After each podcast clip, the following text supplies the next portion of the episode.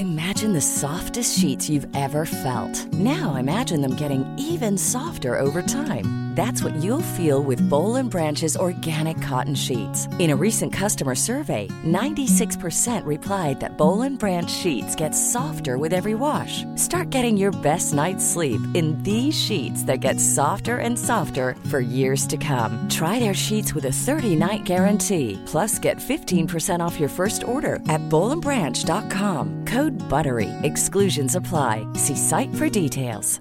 When you're ready to pop the question, the last thing you want to do is second guess the ring. At Bluenile.com, you can design a one of a kind ring with the ease and convenience of shopping online. Choose your diamond and setting. When you find the one, you'll get it delivered right to your door. Go to Bluenile.com and use promo code LISTEN to get $50 off your purchase of $500 or more. That's code LISTEN at Bluenile.com for $50 off your purchase. Bluenile.com code LISTEN.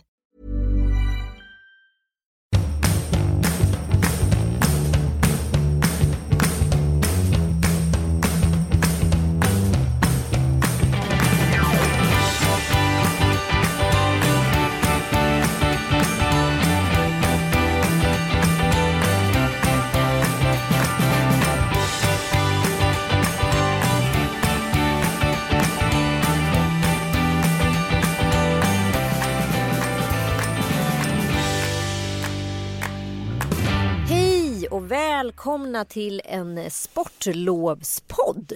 Sportig podd trodde jag du skulle säga. Nej, du är ju i USA. ja, precis. Jag är här på South Beach i USA. Ja, Ja, eller det är du egentligen Nej. inte. Vi låtsas att du är det. Ja. Du får ju berätta om hur det var när du kommer hem nästa vecka istället. precis. Det ska bli så göttigt. Lex, eh, våra så kallade distanspoddar som är så roliga att göra. Där det inte alls brukar bli så bra med tekniken. Så tänkte jag att vi safear den här gången till våra lyssnares fördel. Jag kanske kan göra någon live-rapport och lägga in. Mm. Vi återkommer om det. Ja, precis, precis, precis. Men är inte du superavis på mig? Vet du? Jag Va? önskar att jag var det. Men jag vet vad du ska göra. Jag ska åka med barn. Men det roliga är att jag ska ju inte vara med Frasse. Nej! Nej! Jag och Bobster sitter ju i premium. Frasse och Mattias sitter där bak. Det där är det roligaste jag vet.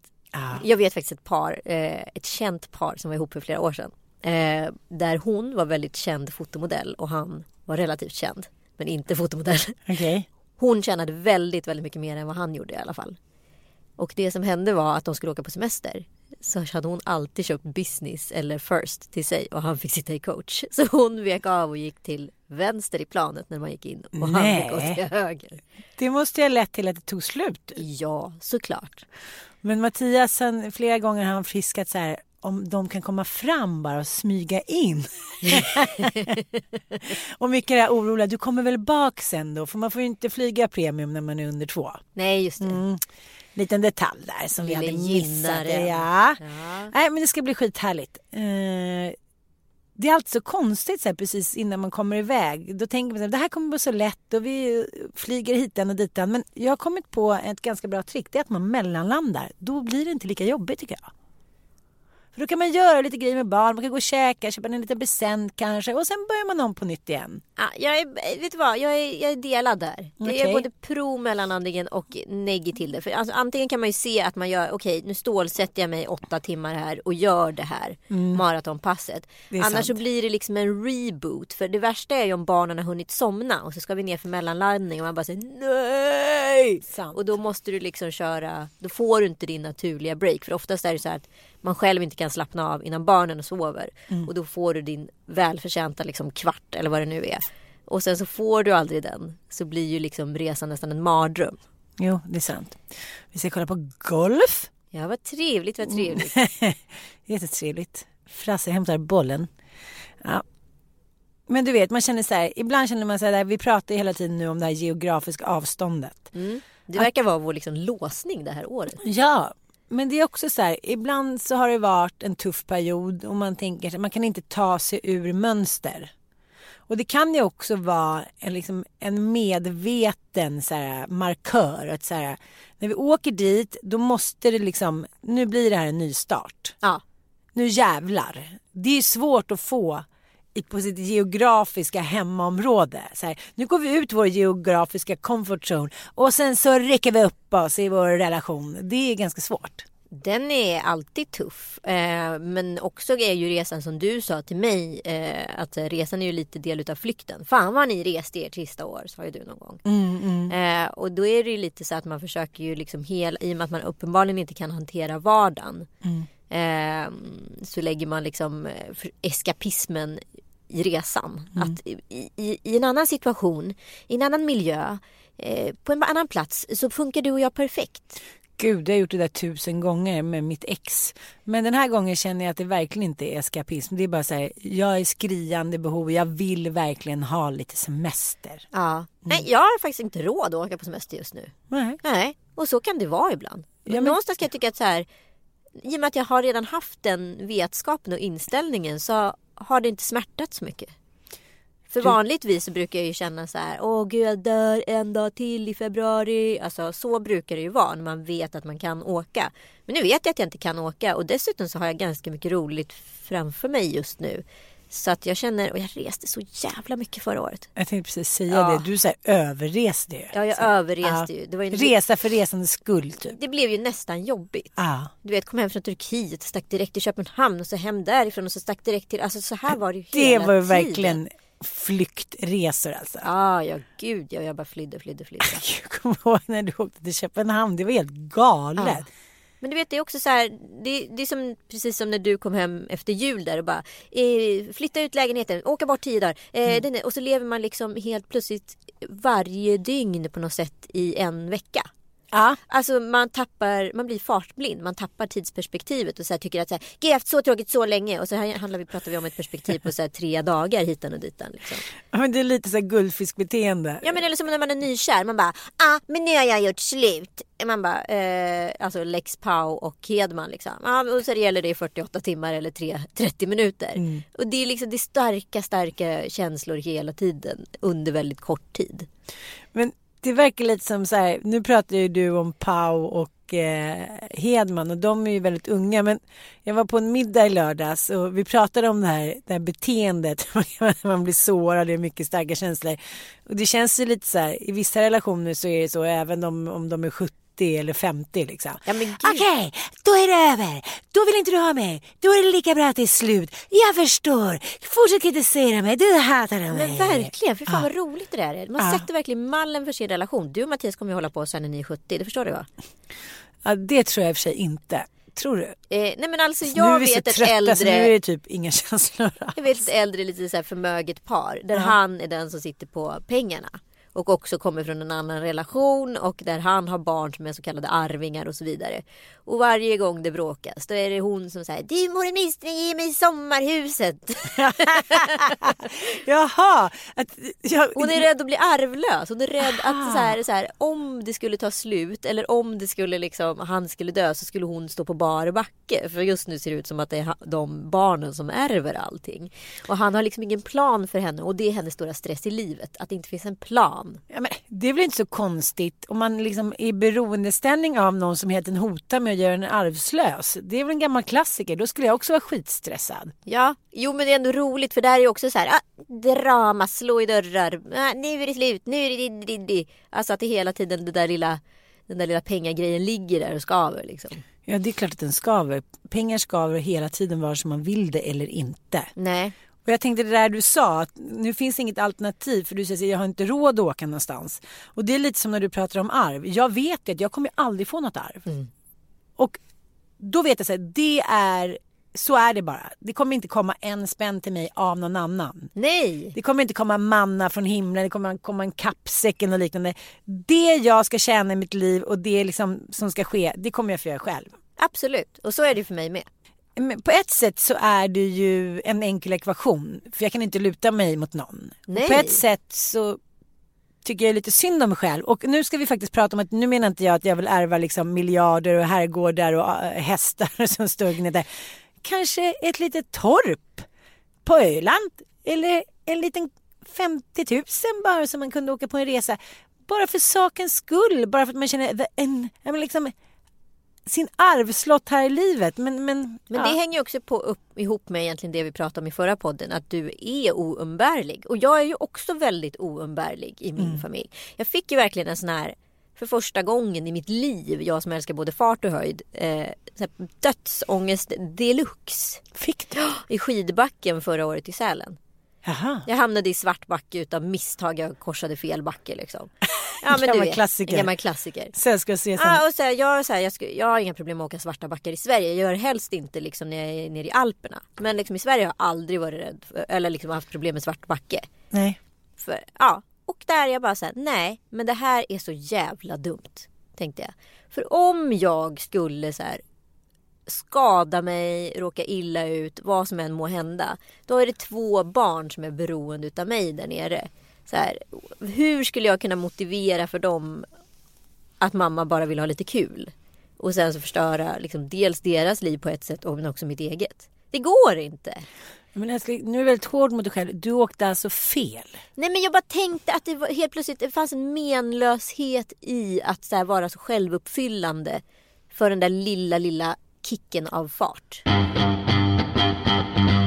Uh, ursäkta mig, uh, räknefelsnisse här, men uh, jag vet en annan gång när du fick ännu fetare dödsångest. Vadå?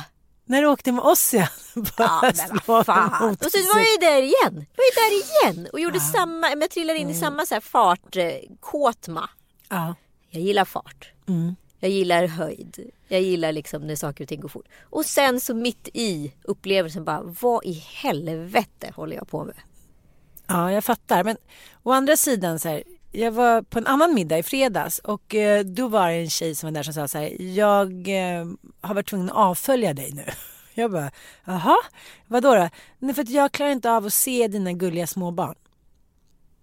Och då är det så här, då är man i en ålder där man vet att så här, om man inte kör nu då är det ganska kört att få ett barn. Om man inte ska liksom, ja det finns ju tusen sätt idag. Men så här, okej, the natural way. Ja. Kanske med lite IVF och lite hjälp på traven hit och dit.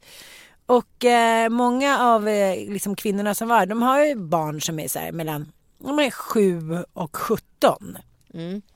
Och de var lite så här, men alla har skitbra jobb, alla bor skitbra. Liksom, det är ett så här grounded life. Vad ska man göra nu? Vad ska man få kick av? Och säga vad man vill, hur mycket jag än klagar och drar mitt jävla fembarnskort hit och dit. Att ha små barn. Alltså du erkänner i alla fall. Ja, jag erkänner. Ja. Eh, jag lever ju nu i min nya sårbara värld. Jaha, Jaha vadå sen eh, två dagar tillbaka jag säga. Nej, men jag har tänkt väldigt mycket på det där. Ja. Jag kollade också på den där föreläsningen igen. Mm. För annars så, så här, kollar man lite snabbt, man kollar tre minuter, man kollar på engelska hit och dit. Nu kollade jag på en översatt föreläsning av henne. Ja. Där hon stannar till, där orden liksom, de svenska orden som kanske är synonyma har de ändrat lite på så det får en annan innebörd, bla bla bla. Och eh, då när jag liksom insåg det så här, när skulden, skammen och sårbarheten går så himla mycket hand i hand. Och jag som har levt nära människor som har liksom missbrukat och varit beroende. Den här skammen över att man inte har lyckats. Mm. Och det är den som driver oss hela tiden i relationer, i jobbet. Att man tänker så här, snart kommer de se att jag bara är ett jävla fejk, att jag är ett skämt. Någon kommer sticka hål på bubblan som är jag. ja, ja visst. Det är ju det där självföraktet och skammen att man, så här, man är inte tillräckligt bra. Det ligger ofta hos ens själv. Det är ingen annan som ser det. Alla andra tycker förmodligen att man är jättebra och det är man ju. Ja, ja visst. Men om man misslyckas bara det minsta då kommer det där sippa den där skammen fram och det vill man inte erkänna. Så då hittar man på att man är lite bättre än vad man är. Mm. Vilket man, alltså jag menar inte att man inte behöver vara bra men, men det handlar om att i det här tidevarvet vi lever nu så spelar vi ett spel med Instagram och hur vi är och det finns ju inget utrymme för svaghet. Jag tänker så himla mycket på det när folk blir sjuka. Ja, men gud vad jag tänkte på det när jag la upp det där inlägget som var liksom ändå väldigt sårbart. Absolut! Vet du vad som hände? Det var så här, häckel och hån på olika sajter och grejer och sen så hade jag tusen avföljda. Direkt för att folk bara så här, tycker att, då att man är så här fisförnäm, bla bla bla, buhu buhu stackars instagrammer. Och det handlade ju inte om det, det handlar ju mer om så här, vad fan vad är det som händer? Varför, ska jag, varför har jag jobbat för någonting som jag... Varför skapar man en psykologi där man hela tiden får saker för att sen så ta bort det? Det är ju ett väldigt omvänt spel. Alltså du menar så att om man nu ska whina buhu buhu Ja. och visa sin sårbarhet då måste det vara inom vissa liksom... Vissa har ju råd. Vissa, de, folk säger så här, ah, men sårbarhet är det nya svarta 2018. Men det är bara vissa som har mandat till att vara sårbara. De som har visat sig starka, de får inte vara sårbara. Så är det. You nailed it. Det är Ja. precis så det är. Vi kan ju ta Mia Skäringer till exempel. Ja. Hon har ju redan från början så här, pratat mycket om sin sårbarhet, att hon har misslyckats, hon mått dåligt. Hon har liksom, jag men, ja, hela paletten av vad en kvinna kan gå igenom. Mm. För henne är det bara liksom fantastiskt. Hon blir upphöjd till skyarna när hon visar sin sårbarhet. Ja, Men du som alltid har varit en tuff böna, när du gör det, då, då är det svårt att tycka synd om dig. det är jävligt svårt att tycka synd om mig. Samtidigt ska man också säga att när Mia sticker ut hakan och till exempel så här häcklar Blondinbella för att sälja barnvagnar eh, på löpande band eller vad det nu är. Då vad heter, får ju hon extremt mycket skit. Så hon är ju fast i sårbarhetsfacket. Så det Precis. finns ju en fångenskap i båda vä- riktningar om man säger så. Mm, jag fattar. Intressant. Skitintressant. Men, men jag har ändå tänkt på det där väldigt mycket. Att just så här, jag har ju skämts väldigt mycket just för den här situationen med att man är en familj som inte är som alla andra. Det är ju väldigt, väldigt jobbigt. Det är en väldigt normativ liksom, värld vi lever i, särskilt i Sverige. USA är ju lite lättare och liksom, inte vet jag, lite halabaluba. Där är ju liksom till och med så här, ja men alla har ju varit på rehab, alla mår psykiskt dåligt, alla säger det är ingen superbiggie där, det ligger lite i deras natur. Ja, Kanske det är de, deras DNA. Det finns väldigt mycket identitet i att liksom dela. Oh, I had this experience and now I want to share it with you guys. sharing is caring. Sharing is caring. Men det måste också bottna i att de är en så sjukt ung nation. Så om inte de liksom hade varit sharing and caring, då hade ju de gått under på något sätt. Ja. Vilket har också gjort dem både sharing and caring, tycker jag, lite på ett ytligt sätt. Eh, men jag menar, du vet ju själv om i USA, så bara hi, ah, nice to meet you. I come to this barbecue. Man bara, vem, ja, vad hette du sa du? Ja, ska jag vara på barbecue nu? Och så sitter man helt plötsligt på någons bakgård och dricker bärs och käkar burgare. Oh, thanks for sharing. Mm. Jag tycker så här, Sverige just nu är ängsligt. Det ska vara de här fina vita hemmen, eh, alla barnen ska vara perfekta. Liksom, det är någonting, det är ängsligt här just nu tycker jag. Ja men framförallt så undrar man ju så här, vem springer du runt och liksom putsar för? Alltså jag är ju själv lite så här OCD. Jag mår ju fysiskt och psykiskt dåligt när det är stökigt och smutsigt hemma. Jag tycker jag får, det kliar i hela kroppen. Eh, och det kan ju handla om att så här, ja men jag mår ju bra när det liksom är ordning och reda. Och det är sån person jag är. Om man skulle prata om dig och mig utifrån ett bonusfamiljsperspektiv, alltså tv-serien på SVT, då är ju jag definitivt Katja och du är ju Lisa. Men menar du hemma vid eller överlag? Nej men alltså som karaktär. Ja, men samtidigt så tycker jag så här, du är väldigt dubbel tycker jag. Å ena sidan så är du så här, väldigt struckad med ditt hem, dina kläder och sen å andra sidan kan du också vara superrörig. Gud ja. Ja. Men jag, jag tror så här, de är ju stereotyper. Alltså, Ja, det är sant. du, du ser ju att nu börjar ju Katja och Lisa gilla varandra. Mm. Det finns ju någonting hos de båda som attraherar varandra. Alltså, jag menar ju så här. Vi är ju extremt olika du och jag. Men vi är sjukt lika också. Mm. Alltså det finns ju en gemensam nämnare. Men jag tror också så här, jag tror också att det handlar om att man vet att man Alltså så här, man vet att det kan vara hiten och ditan röret men när det väl gäller då levererar den andra och det låter så himla konstigt uttryckt. Jag menar inte bara yrket utan jag menar så här vänskapligt, känslomässigt, yrkesmässigt att man kanske inte riktigt äh, Förstår du vad jag menar? Att man är liksom jag tycker att det är kul att hänga med dig för att så här, du utmanar mig, du är rolig att hänga med, vi har samma humor, eh, du är väldigt annorlunda, du så här, gör grejer som jag aldrig skulle kunna tänka mig, du är lite fin. Eh, så, det, ja, men vi, det är roligt det där när man är lika på många sätt och sen så jävla olika på många sätt. Ja, ja, ja. ja men det är exakt samma med dig. Du, Mm. ju, du, för mig är du det knasigaste jag kan tänka mig. alltså du är ju mardrömsversionen utav mig.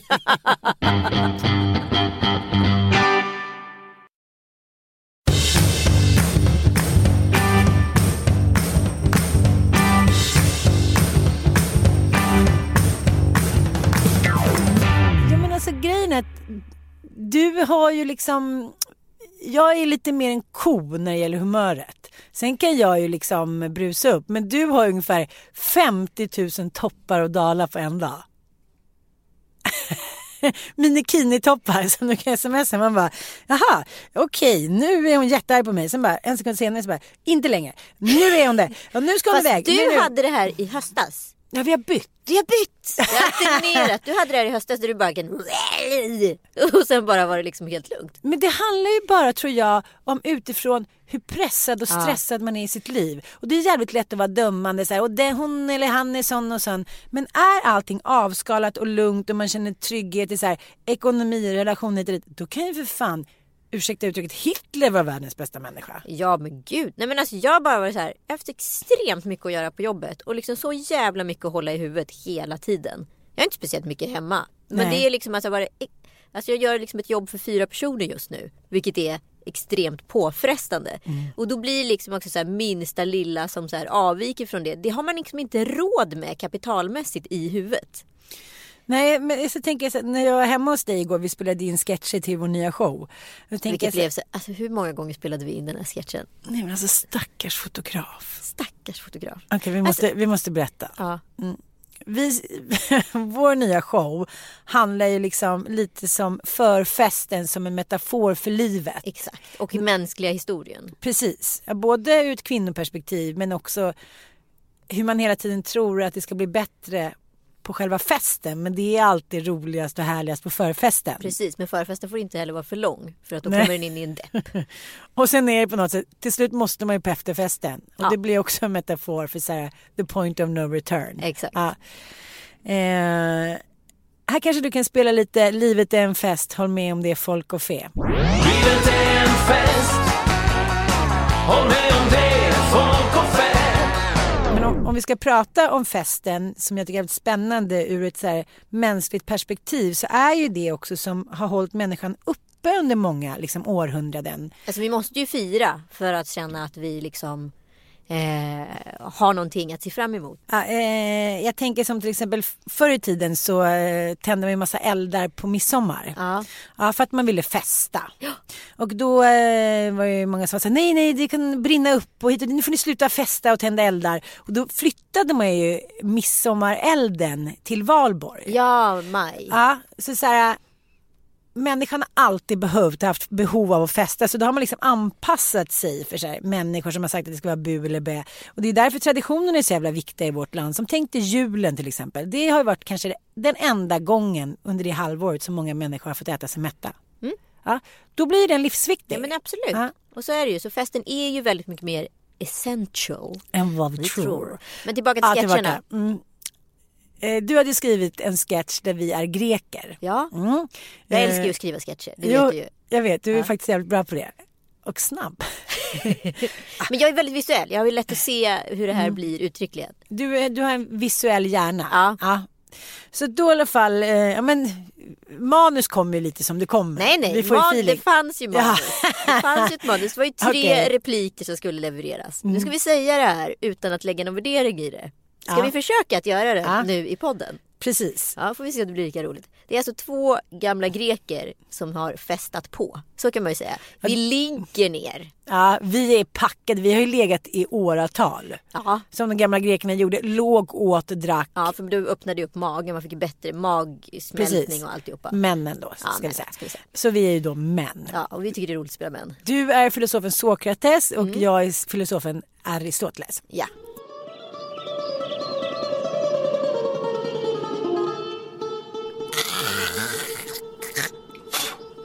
Är det förfest, fest eller är det efterfest min broder Sokrates? Nu är det du, nu är det du. Du är så ful. Du är ful. Jag är verkligen ful idag. Okej, en gång till. Okej, okej, okej, Okej, nu sätter vi. Sätter Ja, vi. då börjar vi om. Magnus, musik. Musik. Är det förfest, fest eller är det efterfest? Min broder Sokrates. Uh, är inte själva förfesten när man går ner i en flod och sen går upp i samma flod? Eller? Är det efterfesten? Eller är det själva? Ja, där. Alltså, varför gjorde vi inte det här igår? Hundra tagningar senare. Men då satte du i någon sån här grekisk läs Groucho Marx peruk och jag hade någon sån här toppperuk. Det kommer fram till att jag är mycket större huvud nu. Och, och nio blottades denna svaga punkt. Men fan, jag måste, jag måste säga, Jätteskalle! men jag tänkte så här förut när, när Sverige var besatt av den ariska bredden på hjärnan, undrar då hade jag, hade jag ansett som smart då? Bara helt... be- omskrivningar vi minns. Ja, Ja, enligt, enligt nazisterna så är jag jättesmart. det är min höga panna och aristokratiska näsa. Ja. Och ja, ja min lilla imbecill. Nej men det vi skulle komma fram till idag är att vi ska prata ju lite om relationer. Men och så du, vi måste bara... Vänta. Ja, men vi måste knyta ihop säcken för du frångick ett ämne och så gick vi ut på en lång färd. Det är så här att du pratar om din väninna som inte var tvungen att avfölja dig på grund av att hon inte klarar av att titta på bilder på dina barn. Precis. Och då handlar det om att det, det var flera då kvinnor plus 40 som eh, önskade att de skulle ha ett till barn. Eller få ett till barn eller skaffa ett till barn. Och det här vet man ju inte. Är det, beror det då på liksom livets tristess? Eh, att man är trött på liksom sin snubbe? Eller så här, vad beror det där på? För att någonstans så kommer man in till någon sån här kris i alla relationer och i relationen med sig själv. Och det det är det här jag tror att man glömmer bort. Att det oftast handlar om inte det som är runt omkring utan så här, relationen till sig själv. Liksom. Så här, vem skulle jag bli? Blev det inte mer så här, man kanske har dålig självkänsla och man kanske så här, bara ser sig genom andras ögon. Det blir jäkligt tydligt för dig och mig just när vi lever i den här världen. Vi gör ett så här, vad är jag och vad är det som andra människor ser mig som? Klarar inte jag mig utan det, om de här ögonen slutar stirra på mig, är jag då liksom dunderklumpen som ligger och krälar på marken. Usch vilken jobbig insikt. Ibland känner man ju så. Ja. Och så är ju liksom lite med relationer också. Och nu eh, tycker jag att det är här, blir ganska tydligt att kvinnorna i större utsträckning liksom lämnar männen. Mm. Det är massa tydliga tecken på att detta sker. Fram till 70-talet så var ju vi sambeskattade med männen vilket gjorde det typ nästan omöjligt att skilja sig och klara sig ekonomiskt. Ja. Ja. Sen togs den bort och då blev det ju en fet jävla skilsmässovåg. Men eh, jag tror att det handlar mycket, kan vi gå tillbaka till sårbarheten, att männen har ju fått lära sig att de inte ska vara sårbara. Så att de så här, målar upp och skapar en myt om sig själva som de så här, känner någonstans att det inte är sant. De vill visa sig sårbara. Men när de visar sig sårbara så har det redan gått så långt Att då är det för sent. Ja, då är man så här, men okej, skit i vem jag är då. Jag har försökt säga det till dig. Hundra- Fast det är det här som har skett. Från och med den rådande feminismen och sen kvinnornas liksom fri, frihet och frigörelse har börjat på riktigt för kanske liksom 20 år sedan då. När kvinnorna har möjligheten att vara ekonomiskt starka och så vidare, då har vi bytt plats med männen. Nu är ju vi de där du är, där jag också sitter. Vi har ju inte möjligheten att visa oss svaga. Idag är ju killarna mycket svagare än vi. Så att egentligen har vi samma problematik som tidigare, bara att vi bytt kön på problematiken. Men, men det här är också så forskningsbaserat att så här, när män mår dåligt då tar de till liksom någon form av så här, äh, medicin, missbruk, ligga, alkohol, träning, bla bla bla. Medan vi kvinnor söker oss till vår innersta krets, till familjen, till vänner. Du kan också förstå så här, vem som blir mest sårbar. Den som får liksom hjälp och kärlek eller den som tror att de ska köra så här, något yttre race med stimuli. Det kan ju bara gå käpprätt åt helvete. Ja men såklart. Ja, men det handlar om diskussionsgrundande liksom, problematiken. Förstår du? Alltså där handlar det om så här. Hur agerar vi i kris? Ja. Men, men liksom just alltså som både du och jag upplever med våra respektive killar det är ju att de är väldigt mjuka. Och det jag upplever i alla fall att du är irriterad på Mattias det är när han är väldigt skör. Och när jag blir mest irriterad på Joel är ju också när han är väldigt så här, obeslutsam och så här skör och vek. Eh, och man bara så här varför kan du inte bara ta ett beslut kan jag ju uppleva. Du kan ju tänka dig nu när vi ska boka hotell. Nej men jag det vill inte ens gå in I där. Miami? Nej. Mm. I morse i bilen så jag bara så här. Nu bokar vi det här hotellet. Och sen bor vi bara där. Mm. Och så ser vi vad som händer. Det är bara underbart att vara i solen. Så här. Vi kan inte boka allting, vi vet ingenting. Vi ska bara åka iväg nu. Allting kommer bli jättebra. Okej, tack så mycket, tack så mycket. Det- Mm. Men, men jag tror också att det handlar om så här, tidseffektivitet. Om vi ska tjata om varje liten detalj i vårt liv i dagar. Dels ett, kommer man hamna på hispan. Dels två, så finns det inte tid. Och där går också tyvärr lite hand i hand med den där sårbarheten. Ja, men samtidigt så är jag, jag har ju uppenbarligen valt att träffa en kille som mår bra av att jag är den som är take the command. Alltså jag leder ju skutan och det mår ju jag också bra av. Samtidigt blir jag ju oerhört frustrerad på honom som igår. När han då, när vi då drar över inspelningstid. Att han då inte bara säger, nej men jag går till Ica och handlar lite mat och liksom. Förstår du vad jag menar? Jo, det är den där jag inte får ihop.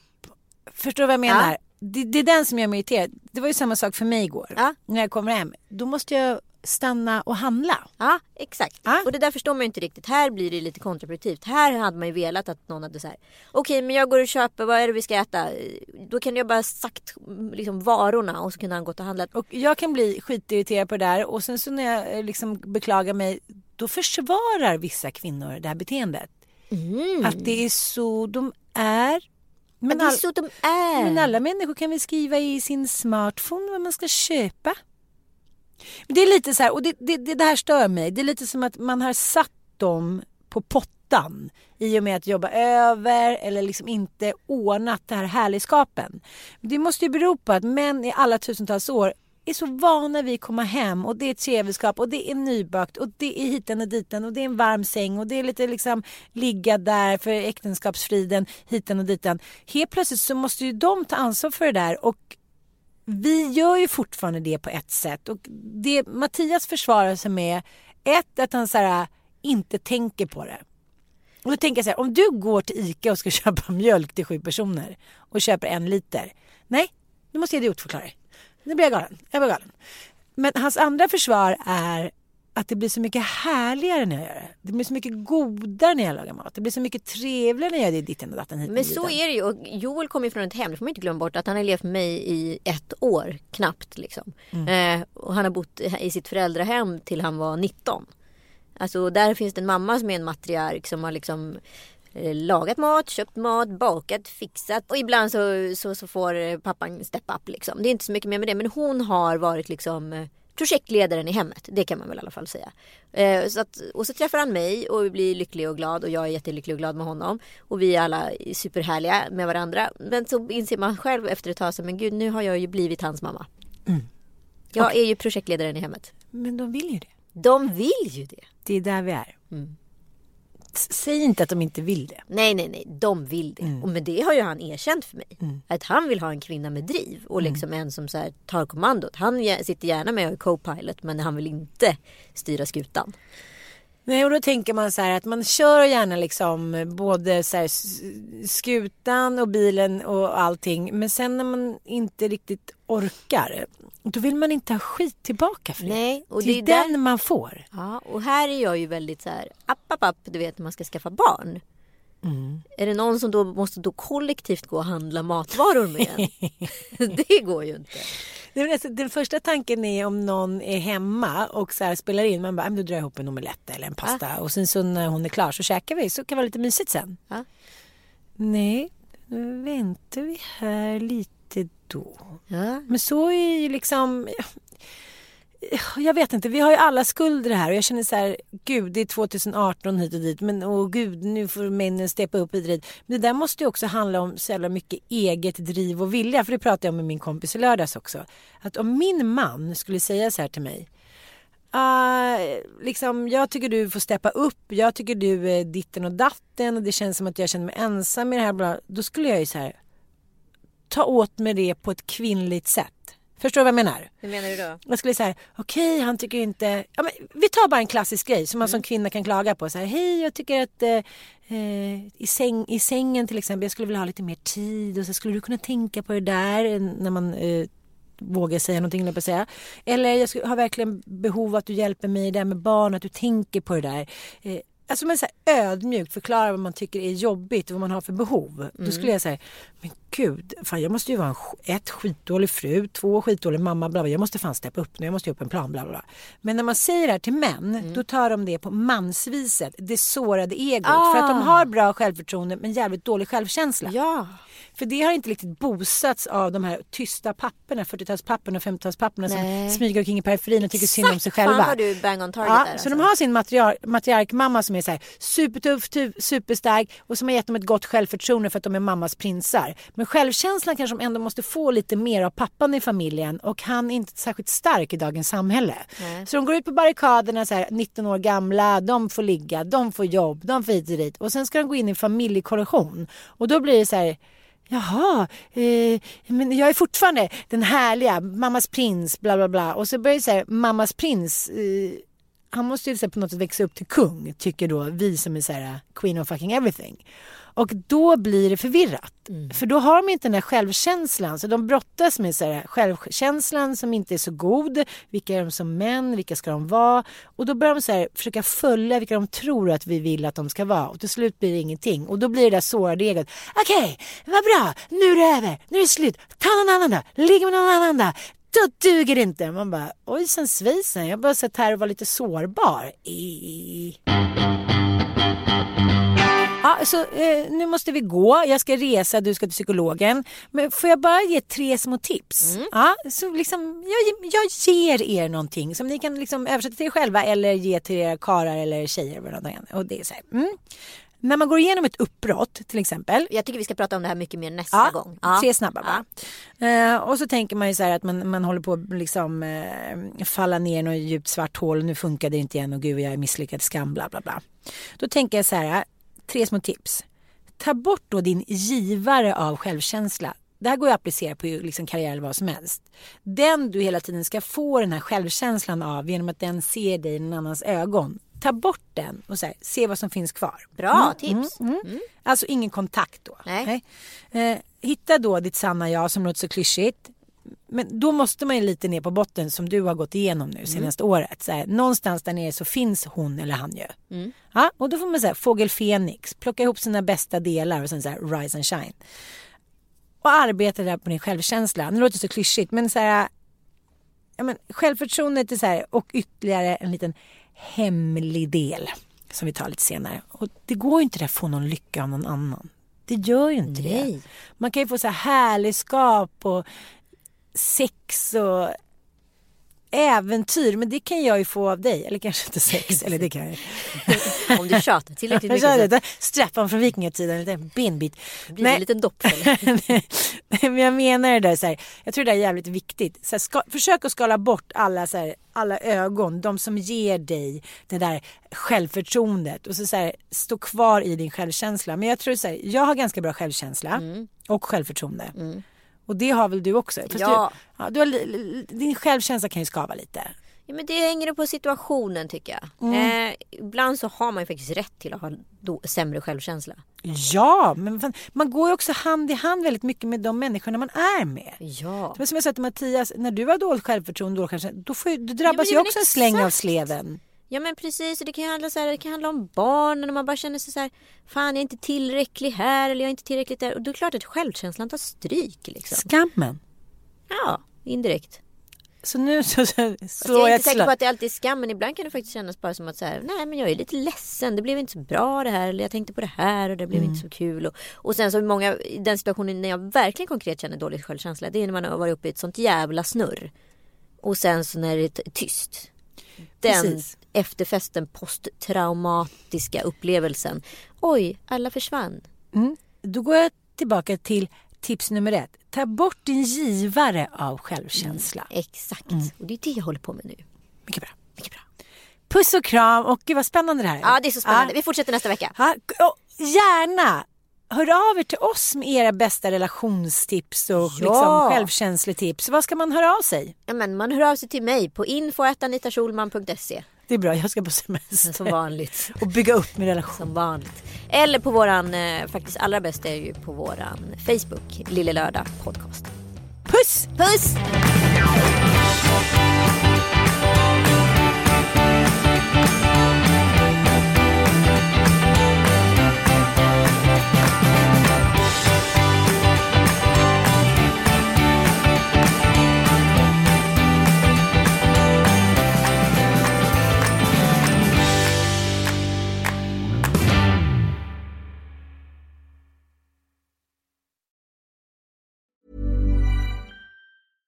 Even when we're on a budget, we still deserve nice things. Quince is a place to scoop up stunning high-end goods for 50 to 80% less than similar brands. They have buttery soft cashmere sweaters starting at $50, luxurious Italian leather bags, and so much more. Plus, Quince only works with factories that use safe, ethical, and responsible manufacturing. Get the high-end goods you'll love without the high price tag with Quince. Go to quince.com slash style for free shipping and 365-day returns.